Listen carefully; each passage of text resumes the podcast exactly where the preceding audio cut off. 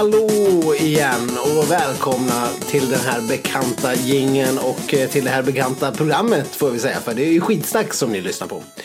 Eh, med mig Stenqvist och eh, den här gången befinner vi oss i Björkhagen utanför Stockholm och med oss har vi som vanligt Stefan. Ja, trevligt. Jag sitter här bredvid någon form av jättestor dumbo eh, gosedjur här i vår nya studio. Ja, det här får man ju säga en helt ny studiomiljö. Jag har ju varit här och, och bandat några avsnitt när vi har gjort eh, distanspodd ända hela vägen till USA. Eh, då har jag stängt in mig i sovrummet. Det är ganska ljudisolerat med gardiner och, och nu har vi hängt upp eh, något överkast här för att täcka halva väggen. Ja, så ni hör vad vi kämpar och ger vårt yttersta för att ge er Ja. så bra eh, ljudkvalitet som möjligt varje vecka. Mm. Ni vet, det finns inga genvägar till det perfekta ljudet. Nej, nej, det, det är precis som farbror Barbro brukar säga. Helt enkelt. Och vi har faktiskt fått lite klagomål, ska vi ju säga, när vi har eh, varit på distans. Att eh, det har låtit lite robotaktigt ibland och det kan vi bara eh, hålla med om. Så vi försöker att eh, undvika distanspodd.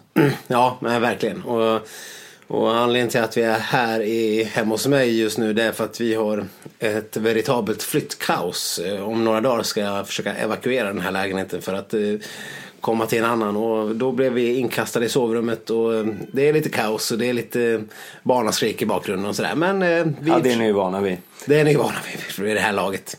Men vi ska väl inte prata så mycket om det. Vi ska väl snarare ta upp våra lyssnares önskemål. Ja, Och, men eh, eh, eller hur? Det är väl kul att vi, vi har fått en massa feedback från, eh, från eh, det senaste avsnittet och det verkar allt peka åt samma håll. Ja, varför pratar vi inte om, mer om långlopp? Ja, Va- varför gör vi inte det för?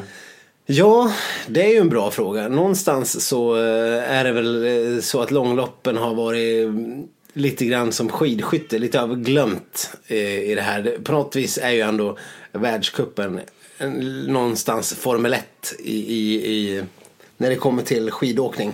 Om man ska jämföra. Det finns ju liksom väldigt många olika eh, bilsporter men eh, Formel 1 är ändå det som anses vara nummer ett. Och lite så är det väl eh, ändå i, i skidvärlden att eh, världscupen, den så kallade vanliga världscupen är väl ändå den som står högst. Ja, jag har ju alltid haft lite av en eh, känsla eller tanke så här, eh, utan att riktigt kolla upp det eller eh, ja, se hur det ligger till att långloppskuppen är till för de här eh, rejectsen som eh, Ja. inte får åka något annat och som vi ändå vill hålla på och tävla och göra något. Liksom. Var- Vart ska vi ta vägen? Ja, vi får väl åka långlopp då. Men det är väl ändå lite så. Det är de här som har varit där. Det kan ju vara folk som har varit väldigt bra i världscupen. Eh, som sen beslutar sig för att nej men jag, det här, eh, jag når inte lika långt fram och då kliver man in och eh, kör långlopp istället. Ja, för det är ju som nu senast här i Marcialonga. Då såg vi ju Tord Asle Gärdalen vinna. Han som alltid kör med sina, eh, sina typ eh, pilot. Ja, just det. Eh, hans välbekanta rakade gässa och pilotbriller. Ja. Han har vi ju sett i världskuppen eh, tidigare. Och varit bra liksom. Ja, men man kan väl tänka att där orkar man inte riktigt satsa på för att få åka världscupen en säsong till när konkurrensen är som den ser ut i Norge. Så då väljer man en annan bana. Men precis, och sen har det ju varit sån här, Daniel Rickardsson gjorde ju någon långloppssatsning för något år sedan. Eh, Anders Södergren eh, sadlade om och skulle åka långlopp. Till och med Johan Olsson pratade om att han skulle börja tävla långloppscupen. Det är liksom lite så här avdankade skidåkare hamnar i, i långloppsvärldscupen. Ja, men vi har ju redan pratat om det här att det skulle, Johan Olsson kommer ju aldrig kunna göra någon långloppssatsning eftersom han är sjuk hela tiden. Nej. Nej, det är ju helt omöjligt. Och, och jag vet inte, han skulle ju åka någon Vasalopp också. Det blev väl ingenting med det heller. Nej. Men Och sen av någon märklig anledning så ofta sprinters, gamla sprinters som sadlar om och blir långloppsåkare. Hur, hur hänger det ihop? Ja, nej det går ju inte ihop. Men det är ju mycket riktigt så. Britta Johansson Norgren var ju en eh, inte helt usel sprinter en gång i tiden. Och nu är hon, eh, nu är hon eh, en av världens bästa långloppsåkare. Det är väl hon och så här Katarina Smutna som, som kampas och eh, turas om att vinna ungefär hela tiden.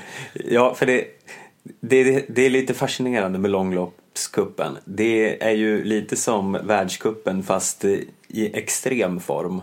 Mm. Man ser herrklassen är en utdragen klungstrid i flera timmar. Man, ja. man kan ju gå och ja, ta ett bad och gå på tur och laga middag i några timmar och sen komma tillbaka och så ja, ja men de har skiftat lite positioner där ja. i den här enorma klungan. Men det är ungefär samma summa som är med hela tiden. Ja, och sen är det ändå bara sista minuterna när det avgörs när någon gör ett litet ryck. Mm. Om inte någon kan ju ha gjort ett sånt här litet eh, Anders Södergren-ryck tidigt och stuckit iväg och distanserat de andra. Men de kommer ändå alltid ikapp så det är inget man behöver bry sig om.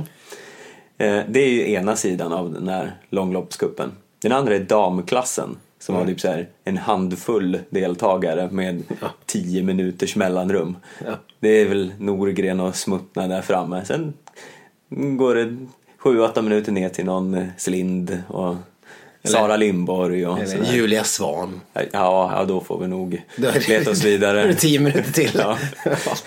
ja, övrigt ett litet instick om Julia Svan. Jag såg att Gunde hade tagit över hennes Instagram-konto eh, tillfälligt. Han har liksom hijackat det. Eh, om det var en månad eller en vecka eller hur det var. Eh, oerhört underhållande. Så om ni har lite stund över, surfa in på Julia Svans Instagram och, och se när, när Gunde har tagit över det. Han, han lägger ut bilder på Gunde i Vallaboden och, och och på sin son eh, Ferry som har pratat om tidigare som eh, håller på och tävlar i motorsåg. han har lagt ut bilder på honom och alltså, han lägger ut bilder på när Gunde sitter i en stor traktor. Och, ja, otroligt underhållande. Så att, eh, det låter rafflande. ja det är det verkligen. Och bara att vi inte har pratat om att Gundes son heter Ferry. Bara en sån sak. Ja, Ferry som jag såg på tunnelbanan för några dagar sedan. Ja, inte Ferry Gundes son. Nej, utan Ferry den riktiga. Ferry. den riktiga. Björn fast den är människa. Ja. Björn som djuret. Ja, nej, nu du, invecklat här. Ja, men eh, precis. Du, du sa det. Du skickade ett eh, uppspelt sms här för någon vecka sedan och sa att oh my god, oh my god, oh my god ungefär. Jag, har, jag stod precis bredvid Björn Ferry och han gick av i Slussen, tror jag det var. Något liknande. Ja, ungefär så. Ja, men kan du berätta något mer? Finns det några mer detaljer att tillägga till den här Ferry-spottar-historien? ja, det finns inte så mycket mer detaljer än att han klev ut ur en tunnelbanevagn, klev över till andra sidan plattformen och hoppade på nästa tunnelbana. Jaså? Ja. Men det låter som att han var liksom lite sådär världsvan. Han visste hur man skulle agera i Stockholms tunnelbanenät. ja, eh, jag vet inte vad, jag tänker mig att han måste ju ha varit på väg från att ha kommenterat eh, tävling mm. i mm, SVT-huset. Ja, och då tar och, man då röda linjen. Ja, men då borde han ju ha hoppat av T-centralen om han skulle vidare. Eh, om han skulle åka hem igen. Ja, vad är hem? Ja, upp till Storuman. Ja, ja, ja, du menar alltså hem, hem. Ja, men han måste väl ha någonstans att bo i Stockholm. Det är ju skidskyttetävlingar hela tiden. Ja, det är ju sant. Men det här var en söndag. Ja. I och för sig, skidskyttet pågår ju typ hela tiden. Ja, så... ja det är ju aldrig något stopp. Ja. Men vart, vart, vart, vart satt han på sig på för? Vart tror du att han skulle någonstans?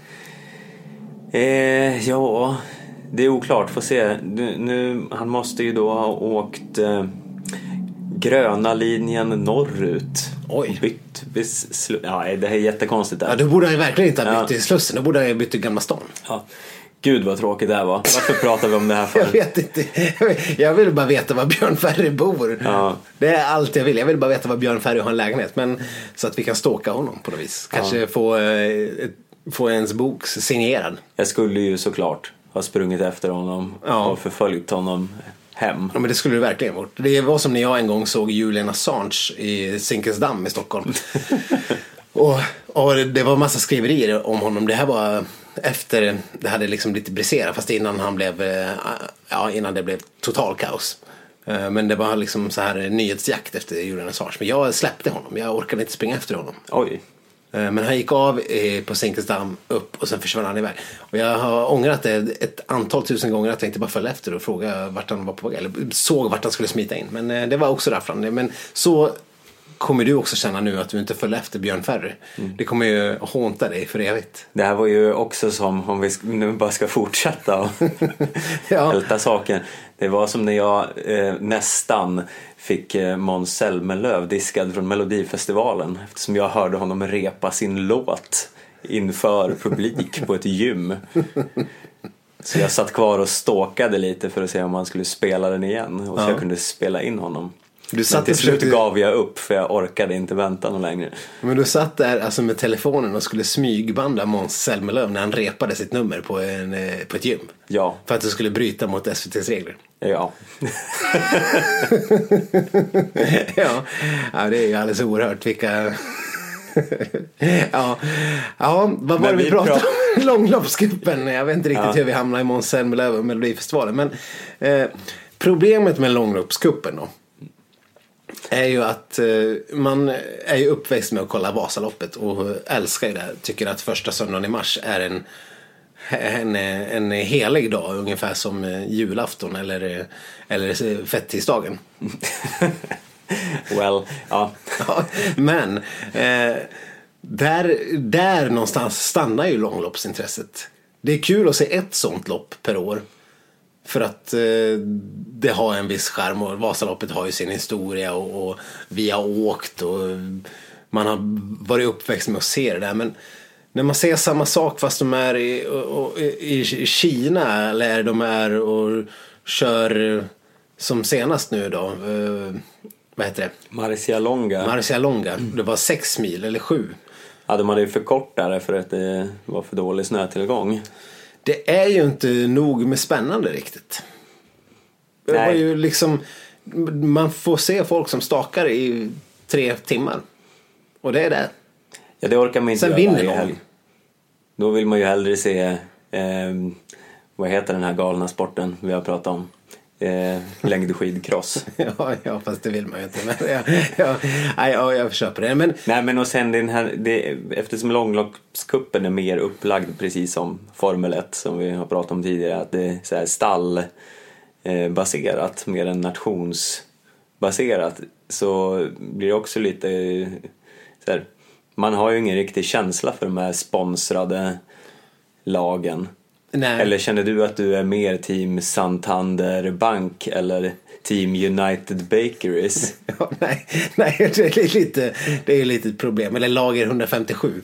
Vilka håller man på egentligen? Det, ja, det är lite häftigare med, med Formel 1 om vi får ta där. Det är det i alla fall liksom Mercedes eller, eller Sauber eller något annat så spännande. Men eh, nej, lager 157 känner jag inte något eh, jättestort eh, dragning till rent generellt. Nej. Och inte United Bakeries heller. Även om de har fina dräkter. ja, knallgula. Ja.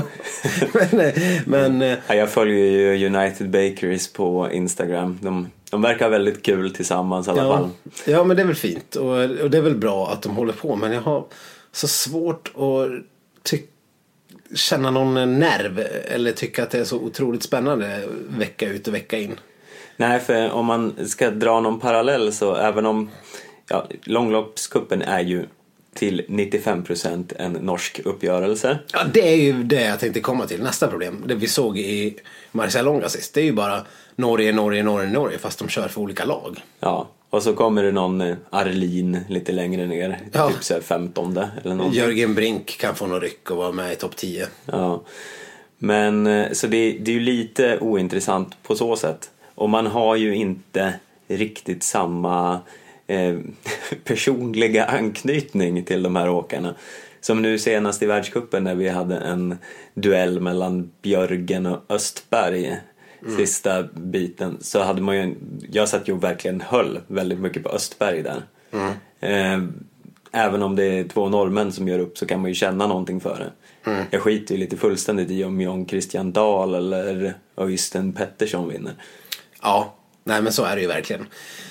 Eh, Men eh, vi kan väl ändå, vi har ju ändå lovat läsa lyssnarna att vi skulle ta ett grepp. Det har vi verkligen gjort nu för nu har vi pratat i 14 minuter nästan bara om långlopp. Li, lite om... Lite, ja, okej, Ja. lite om annat också. Men eh, vi kollade ju i alla fall i helgen och ja, det har vi ju varit inne på redan nu. Det var ju inte så jävla spännande. Britta Johansson Norgren var ju med hela vägen och hade en, ja hon kunde vinna men hon förlorade. Ja. Med, några, med några sekunder för att hon inte orkade på slutet. Det, men det blir ju inte mer än så. Nej, och sen har de åkt så länge och så känner man att ja, nej, hon vann inte. Nej, det spelar inte så stor roll om hon hade vunnit. Hon vinner säkert nästa gång. Och det är som för några veckor sedan när de, när de var nere i Alperna och de inte hade någon bild så man fick se, se små elektroniska duttar. Och så, så satt de där stackars, eh, vad heter han, vallaren som eh, sitter och kommenterar långloppscupen. Ja, jag tappar namnet nu. Ja. Men eh, Men och, och så satt de och kommenterade till den här grafiken när man såg en slinga och sen små blinkande punkter som var olika åkare. Och det satt de hur länge som helst. Bilden kommer när som helst men den kommer ju aldrig. Ja. ja. det är det. Man hade ju i alla fall önskat att man skulle ku- kunna få se lite så här fina naturmiljöer. Ja. Men antingen får man se en eh, någon form av digital slinga med eh, kommentatorer eller så som Marcialonga där de har skottat ihop ett sju mils spår i någon form av helt eh, snöfri alpmiljö. Nej, det långloppsvärldscupen behöver göra är ju att hitta någon form av USP som kan ta och bygga vidare på. Det är bra att man kan i alla fall liksom ha GPS-signaler och man kan få se puls och sånt. Men det krävs något mer för att göra det till en bra tv-sport. Det, liksom, det, det skulle krävas ett, ett skyttemoment liksom. Ja, men det har vi ju, åtminstone jag, förespråkat Ja, det- tidigare. det har att det ska komma en fem mil i skidskytte. Jo, det, ja, men det kanske, inte- det kanske inte är det som långloppsvärldscupen ska göra för då blir det en helt annan sport. Ja, Men de behöver något annat. De behöver en USP som eh, någon behöver komma på. Och, och ja, jag vet inte vad det är. Men vi har ju annars varit idésprutor av rang här, men vi, vi har inte riktigt kommit på något bra alternativ här. Nej, men eh, självklart så är det ju en stor angelägenhet för många skidentusiaster ute i landet. Så att vi ska ju såklart hålla ögonen på, på vad som händer. Och dyker upp lopp som visas i tv så kommer man ju kasta ett getöga. Jag gillar ju det här Birkebeiner-loppet när de måste åka med en ryggsäck. Det är lite spännande. Ja. Eh, och plötsligt säger det bara sloof så har vi ett eh, intresse där också. Ja, det säger bara sloff. Vi ska eh, raskt byta ämne kan man väl lugnt säga. Vi ska prata om, eh, i och för sig, en annan efter påtryckning av eh, lyssnare. Så har de ju i, på Instagram kommentarer och annat önskat att vi måste eh, kommentera Elisabeth Höglunds utspel. Alltså före detta tv-journalisten eller tv-reporten och eh, ja, profilen Elisabeth Höglund. Ja, På spåret-vinnaren. Precis, hon med håret kan man väl säga om ni, om ni undrar. Alla vet vem Elisabeth Höglund är. Ja, eh, hon är ju en fascinerande person. Eh, på många sätt. Jag har, jag har haft eh, lite dubbla tankar om Elisabeth Höglund under mitt liv. Jag har faktiskt för väldigt länge sedan gjort en djuplodande intervju med Elisabeth Höglund i hennes hem. Ja, just det, det minns jag. Eh, Hon var mycket trevlig och det här var efter en bok som hon hade gett ut, fått utgiven som jag fick läsa ut på, på kvällen innan för jag fick reda på att imorgon ska du åka och träffa Elisabeth Höglund. Oj, så läste jag hennes bok. Den var underhållande, Den berättade om, bland annat om hur hon hade legat i ett skidspår i fyra timmar med, med fått uh, typ uh, höften ur led eller något sånt där.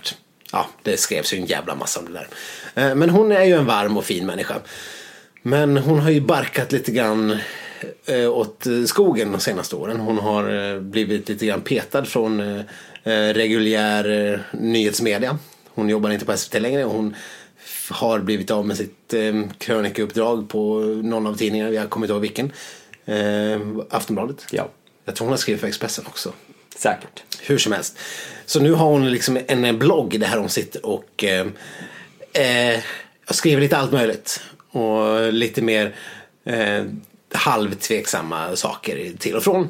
Men hon har eh, också ibland utspel om, eh, om vad fan som helst. Och nu har hon eh, nyligen gjort ett utspel om skidåkare. Framförallt Anna Olsson eller Anna Haag, Johan Olsson och Emil Jönsson som hon har riktat stenhård kritik mot. Du menar violinisten och trummisen från Idrottsgalan? Precis, kända, kända från sin eh, musikaliska höjdpunkt där på, mm, på Idrottsgalan. Vad var det de var med i? Tre sekunders tv-tid? Eller? Ja, ungefär. Ja, ungefär. Och hon har ju då framförallt klagat på att de inte de är dåliga eh, arbetstagare helt enkelt. Och arbetsgivarna är då vi, svenska folket enligt Elisabeth Höglund eftersom de lever i stor del på bidrag menar hon. Vilket såklart inte är riktigt med sanningen överensstämmande. De lever ju väldigt stor del på eh, sponsorintäkter och eh, vinstpengar och sånt. Eh, men eh, självklart lever de också på en del allmänna bidrag, eller bidrag som går till elitidrottsmän och kvinnor.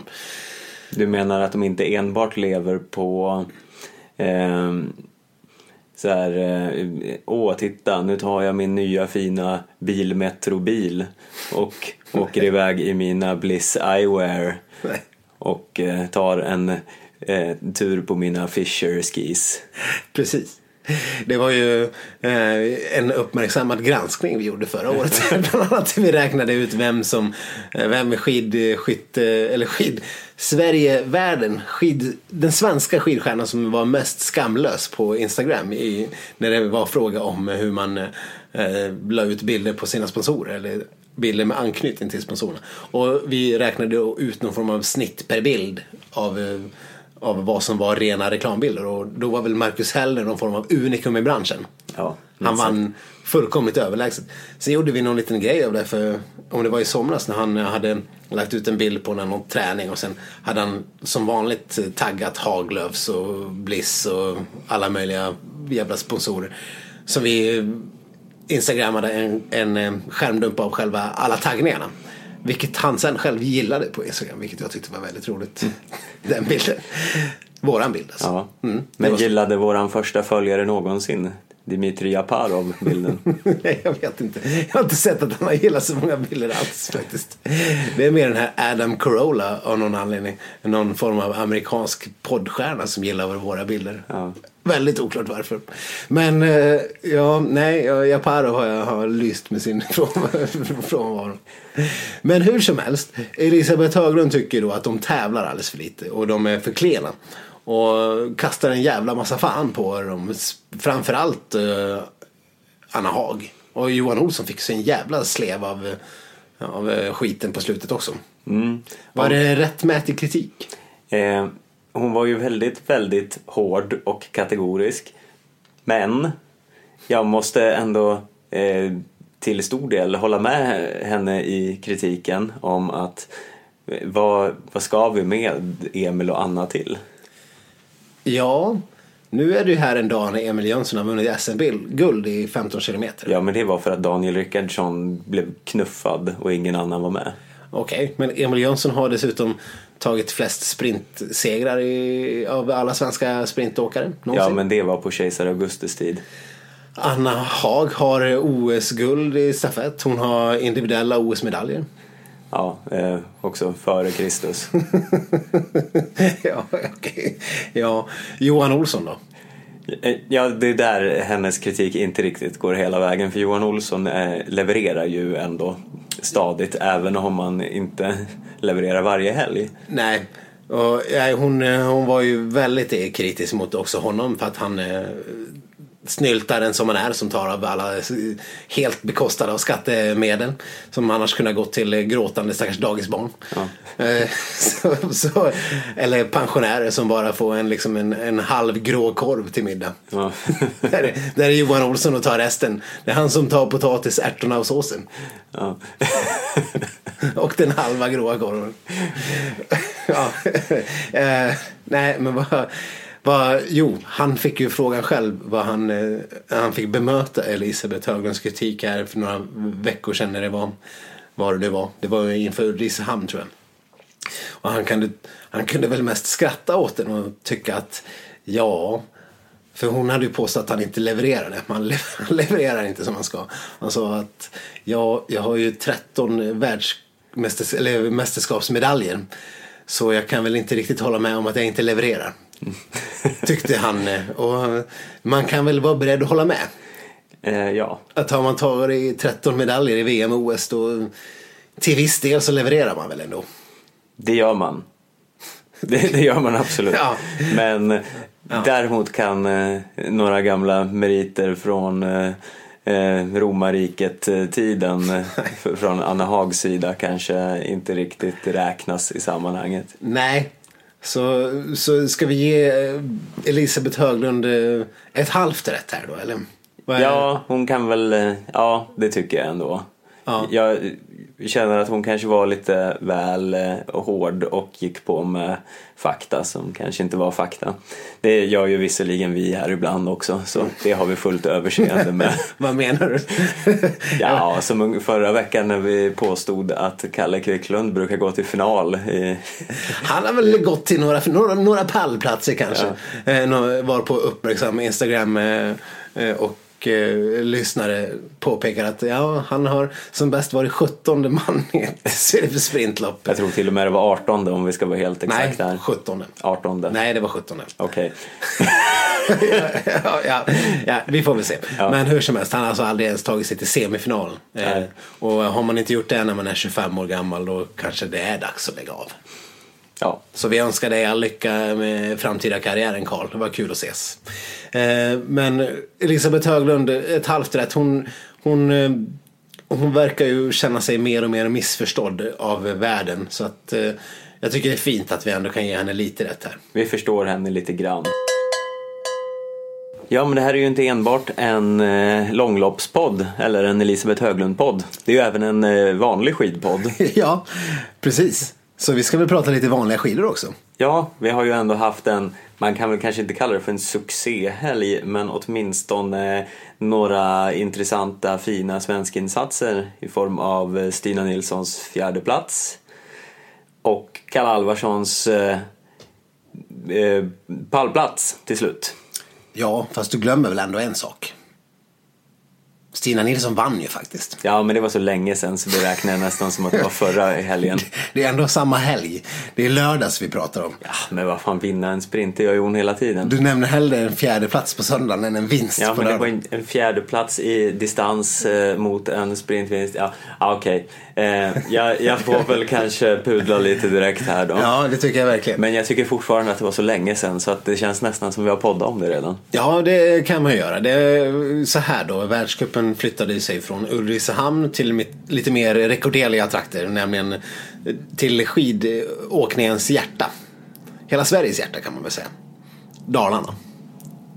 Om du säger det så. Ja, det säger jag verkligen. Jag kanske ska bre på lite mer eh, när vi ändå ska prata om Dalarna. Så att eh, det var i Falun. Och Stina gick ju och vann på hemmaplan efter något som ändå var helt... Eh, vi kan väl bara nämna det kort hur makalöst det var tycker jag. För att i semifinalen höll hon på att ställa till det fullkomligt och åka ur. För att hon inte kunde slå Kickan Randall i en spurt. Ja, det var ju lite anmärkningsvärt dåligt. Vad fan, hur kan man få stryk av Kickan Randall? Ja, om det här hade varit en fråga för fyra år sedan så Ja, jo. hade det ju varit en annan sak. Men nu, hon eh, eh, har ju varit ja, blott en spillra av sitt forna jag Ja. de senaste säsongerna. Det ser ni, skaffa aldrig barn. Om ni inte heter Björgen. Ja, precis. Det verkar ju gå då. Fast hon är ju inte heller riktigt lika bra som hon var innan. För att två, tre åren innan hon eh, hade sitt barnuppehåll så sopade hon ju rent och vann allt eh, hur enkelt som helst. Så är det ju inte riktigt längre, även om hon vann nu i helgen. Ja, men hon har ju uppenbarligen svårt att haka av sig folk som hon gjorde förr i tiden. Precis. Och när vi ändå pratar om att haka av. Man lyckades ju haka av Stina. Vi kanske måste vara inne diskutera det lite grann. Är det inte lite irriterande? För hon fick ju åka själv i ingenmansland. När hon, när hon lämnade Permakoski bakom sig i, i, i den här eh, 10 km loppet. Eller vad säger jag, 15 km eh, loppet. Eh, så åkte hon själv hela tiden. Men hon höll ju jämna steg med den där norska jävla trion där framför. Varför kunde hon inte bara haka i dem? Är det något psykologiskt? Eller hur, hur fungerar det här? Vi, vi skulle behöva en idrottspsykolog som kunde berätta hur kan man åka jämt med några som ligger 10, 15, 15-20 sekunder framför men inte ta ifatt dem där. Vad är det, varför går inte det? Eller varför kunde man inte haka i från början? Det känns så bortkastat. Jag tänker så här, om man ska relatera till en annan stor idrottspersonlighet, eh, det vill säga jag själv, eh, så Ja. eh, brukar ju jag kunna känna så här att ja, men i början när man ja, men, ute och springer kan man vara lite seg och inte riktigt komma igång och kroppen kan kännas tung och det är bara hemskt och jobbigt. Mm. Och sen helt plötsligt efter några kilometer så, så lossnar det.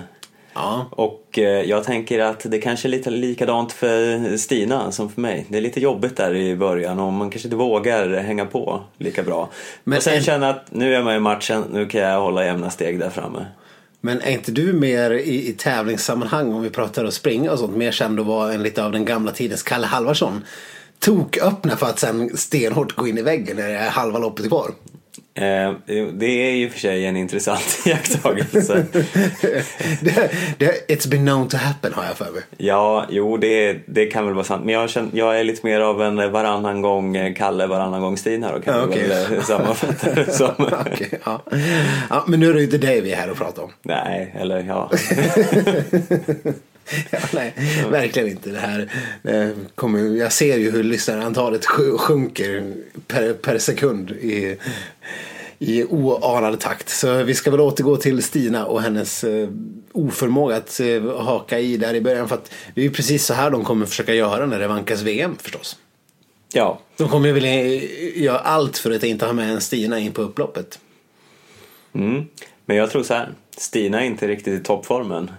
Hon har bara en jävligt hög, eh, mm, jag ska inte säga lägsta nivå, men mellannivå. Mm. Hon har ändå lyckats vinna en sprint. Men hon är uppenbarligen ganska så här, slut i semin och orkar inte hänga på Kickan Randall ens. Mm. Ja, men det var ju, det är sant. Det var inte, verkligen inte den Stina vi såg i början av säsongen. Men sen grisar hon sig ändå i kapp och vinner mot Falla i en millimeterstrid. Och sen eh, kör hon ett jättebra för att vara eh, nyligen eh, ja, men distansmässigt eh, konkurrenskraftig. På en fjärde plats med behörigt avstånd till alla andra. Ja, nej men det får man väl verkligen säga att det här, Så- vi, vi hade ju liksom förutspått för ett par säsonger sedan att Stina skulle bli, det var ju inte, det var inte som att det krävdes någon stort orakel för att förstå att hon var framtiden för svensk skidåkning. Men det är ju först verkligen den här säsongen som hon verkligen levererar gång på gång när det gäller distans. Och det här var ju egentligen helt sjukt imponerande. Att hon, hon piskar ju Kalla och Permakoski och, och Mononen och, och andra Ja. starka distansåkare. På ett sätt som eh, inte har hänt förut. Ja, och 15 kilometer är ju bland det längsta eh, damen åker. Om man bortser från mm, tre mil då och då. Men det är ju ytterst sällan. Och det är ju distansen man kommer köra när det blir skidbyte sen också. Och bara att hon hänger med så otroligt bra på den klassiska delen är ju bra. Eh, hon är ju i och för sig lika bra i klassiskt som, som eh, fristil. Men det känns som att det är lite enklare att hänga med när det är fristil av någon anledning. I alla fall för henne. Vad har jag fått intryck av. Så att ska man spekulera inför skiathlon. Vilket jag såg att det på norska heter duathlon. Ja, varför är det så? eh, det frågar du fel person. Kan någon norsk höra av sig? Berätta varför ni har kallat det för eh, duathlon.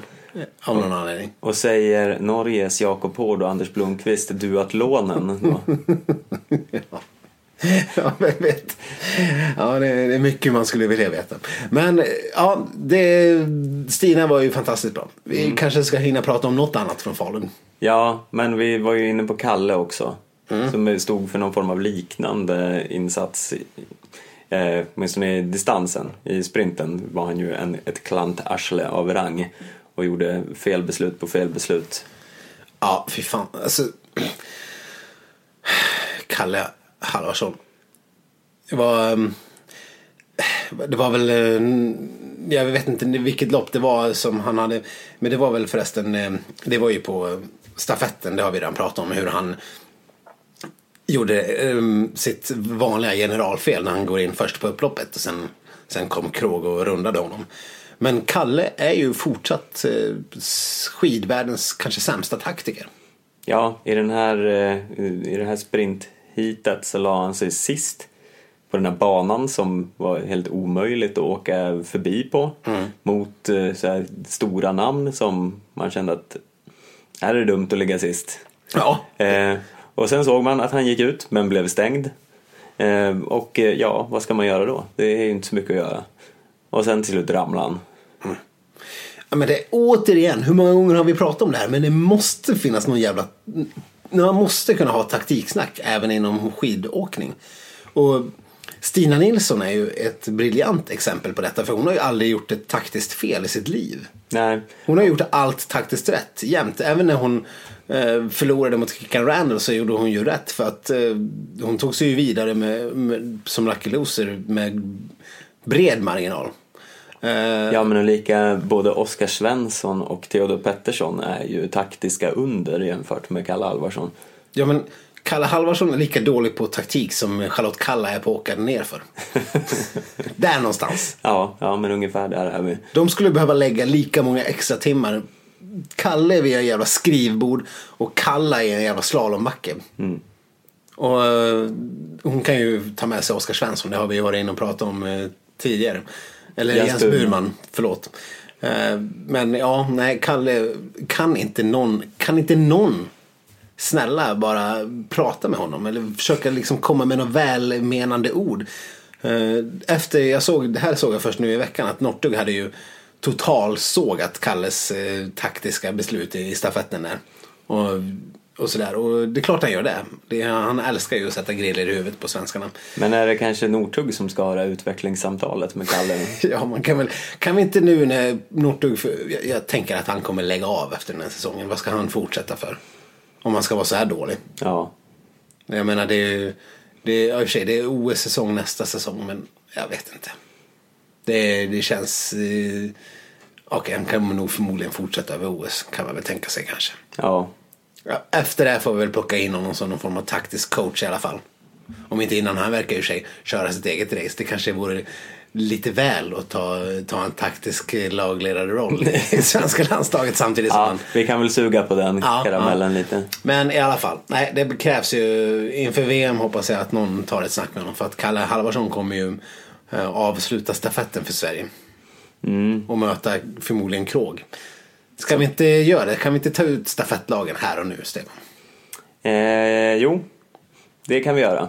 För att eh, det är ju så här, VM-truppen eh, presenteras på söndag.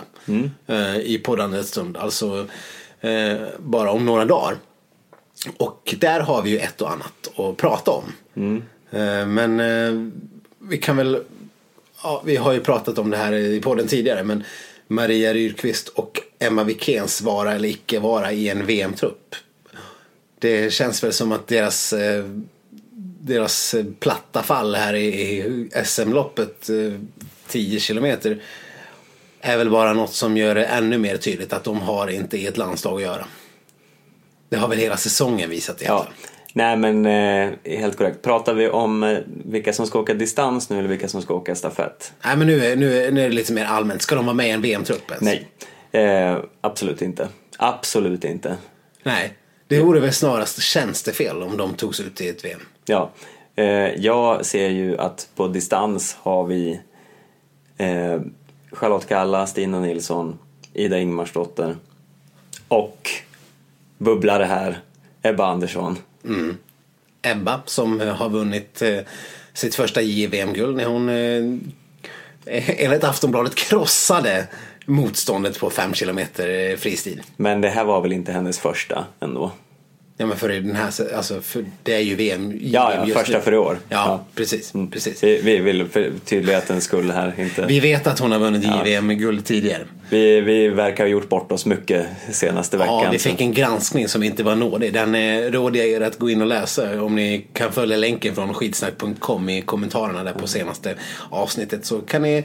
Det är i och för sig Nordic Ski PhD skrev ju någon, eh, någon ganska rolig formulering att eh, Stenqvist och Skölds vilda gissande verkar faktiskt ha... Statistiken verkar faktiskt ge dem rätt. Ja, för, förbluffande ofta eller något sånt där. Ja. Så eh, ja, det är ju tydligt att vi egentligen vet vad vi snackar om även om det inte alltid är faktakollat. Ja, så kan det vara. Ja. Men vi vet ju i alla fall definitivt att Emma Wikén och Maria Rydqvist ska inte... Men är du med på min, eh, min uttagning? Eller är det någon du skulle vilja byta ut? Nej men det var ju snack här efter Ulricehamn om att ska Hanna Falk få åka eller inte. Sen visade hon ju här i, i SM att eh, nej det ska hon nog inte ändå. hon är inte någon distansåkare. Hon fick någon Lidnersk knäpp där. Hon, hon eh, ställde till med ett liksom bragdlopp. Men nej, hon ska inte ta någon plats. Då ska ju snarare Jonna Sundling eller någon sån där ung talang. Anna Dyvik kanske, vad fan vet jag. Ja, Anna Dyvik är ju en liten bubblare för en eventuell sprint. Fast där är ju så tight konkurrens så det är svårt. Hanna Falk kommer ju få åka sprinten och jag antar att hon åker sprintstafett. Jag tror inte Stina är så sugen på att åka sprintstafett. Eller är hon? Ingen aning. Det är väl kanske den här eh, eh guldvittringen som... Eh, ja, ja, men det kanske hon är. För hon, eh, hon får ju åka om hon vill uppenbarligen. Men eh, den andra platsen känns ju som att Ida... Ja, det blir en tajt där på sprintstafetten. Vem fan kommer få åka? Om Stina vill åka så kommer hon få åka. Det kan vi bara ta för givet. Sen är det ju Ida och Hanna. Det, det, då är det inte så lätt att vara Rickard Grip helt plötsligt. Nej, Jonna Sundling. Ja. Jonna Sundling, ja men. Ja, det är tveksamt om hon står sig där. Mm, ändå finalist i ja, ja. sprintsammanhang här. Ja, det, det, det är inte lätt. Men uh, Anna Hagda, ska hon få ta en plats till Lahti? Nej. Nej? Inte alls? Nej. Hon har ändå ett Nej. par topp 10 placeringar i världscupen den här säsongen. Nej. Nej, nu tycker jag du är lite väl... Men vad skulle hon åka? Ja, 10 kilometer eh, loppet till exempel. Och kanske även eh, skiathlonen. Nej. Nej. Jag är hård. Men rättvis här. Eller att hon eh, när de andra har kört slut på sig och, och och så kanske kan få vara med och ställa upp i 30 kilometer som avslutar VM. Jag tycker att Anna Haag kan börja med skidskytte. jag tror hon är lite för gammal för att byta disciplin känns det som. Nej. Nordisk kombination då?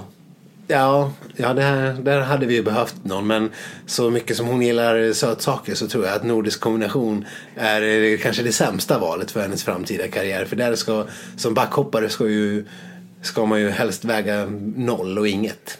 Ja, jo det är sant. Så då, då, får, då får, man inte, får man inte äta någon, eh, någon eh, choklad. Och... Men då kan hon åka ner istället och hänga med Gabriela Kukalova och trycka i sig sån här Ferrero Rocher-choklad. Ja, ja, det... Om ni har följt henne på Instagram så. Det var en ytterst rolig bild. Hon hade choklad över hela ansiktet. Mm. Eh, men vi pratar ju faktiskt om VM-trupper här. Stafettlaget, ja. okej. Okay. Hur ser ditt kvinnliga stafettlag ut? Det är eh, Ida. Ja. Det är eh, Kalla, Stina, Ebba. Ja, Ordningen fast... har jag inte riktigt eh, klar för mig. Ja, men det var nästan rätt. För det är Ida, Kalla, Ebba, Stina.